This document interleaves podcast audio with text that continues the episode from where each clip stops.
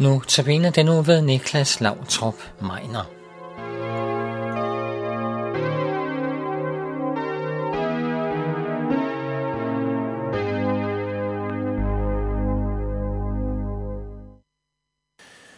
Mit navn er Niklas Lavtrup Meiner, og jeg skal fortælle dig om en mand, der hedder Kai.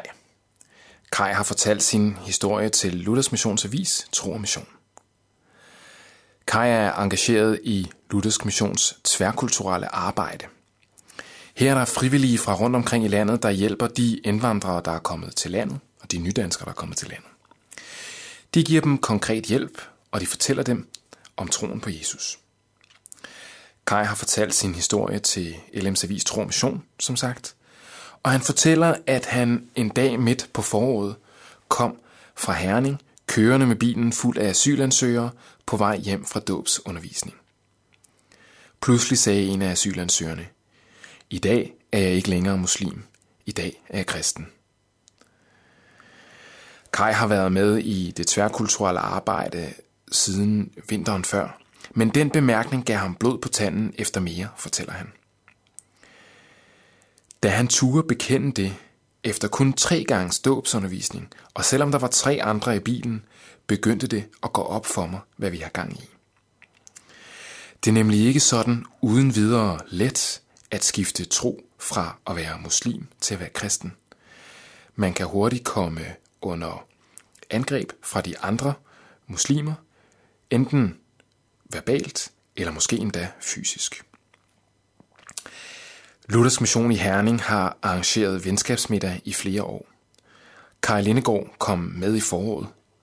Og da der blev oprettet et asylcenter i byen, talte de om i udvalget, at de gerne ville lave noget derhen.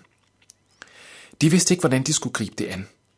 Men øh, Kai, der dengang var 53 år, og nogle andre, de tog hen i centret og begyndte at være sammen med asylansøgerne.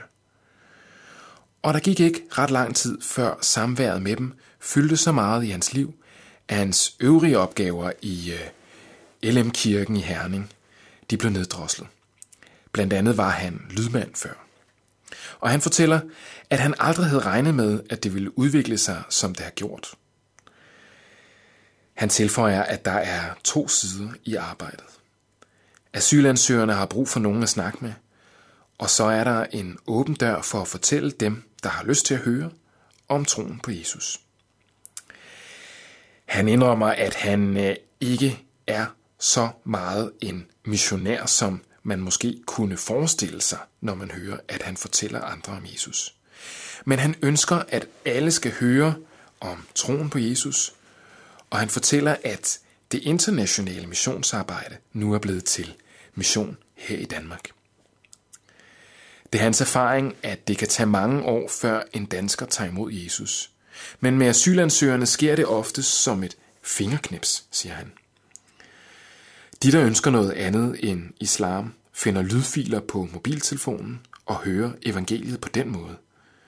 Få øh, uger efter, at de har hørt Jesus første gang, undskyld, få uger efter, at de har hørt om Jesus første gang, stiller de centrale spørgsmål ud fra det gamle testamente, fortæller han. Arbejdet med indvandrerne har også gjort noget ved Kai Lindegård. Det fortæller flere i hans omgangskreds. De siger, at han er blevet et helt nyt menneske.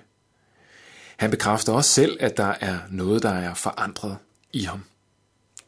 Han har fået en større sult efter at læse i Bibelen. Der er en stor gruppe mennesker, der skal have Guds ord, fortæller han. Og for at jeg kan give det til dem, er jeg nødt til at hive mere til mig selv. Jeg har også selv fået et nyt syn på dåbens betydning ved at se, hvor meget det betyder for dem, som er kommet til tro, at blive døbt.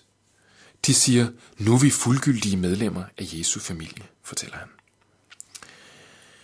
Kai har også oplevet, at de store følelser er kommet til syne i hans liv. Han har været helt oppe at køre, siger han, og han har også været der, hvor tårne er vældet frem. Inden for de sidste måneder har jeg både grædt af glæde over at møde Jesus som min frelser, og af bekymring og sorg over, at nogen flytter til udsteder, hvor der ingen kristne er, siger han. Han husker ellers ikke, at han har grædt, siden hans bedstemor døde, da han var 12 år gammel. Han havde heller aldrig troet, at han skulle opleve sig selv stå og græde ved mikrofonen i kirken. I dag er asylcentret i Herning blevet lukket. Men Kai tror ikke, at det betyder, at han kommer til at bruge mindre tid på asylansøgerne. Det bliver bare på en anden måde. På mange måder er asylansøgerne nemlig blevet som en slags familie for ham. Og siden sommerferien er han taget rundt i landet for at besøge dem. For første gang i sit liv har han været på Langeland. Allerede før asylcentret lukkede, blev mange flyttet til andre steder i landet, fortæller han. Nogle af dem er blevet flyttet til, til det, som Kai Lindegård kalder for udsteder, hvor der ikke rigtig er nogen kristne.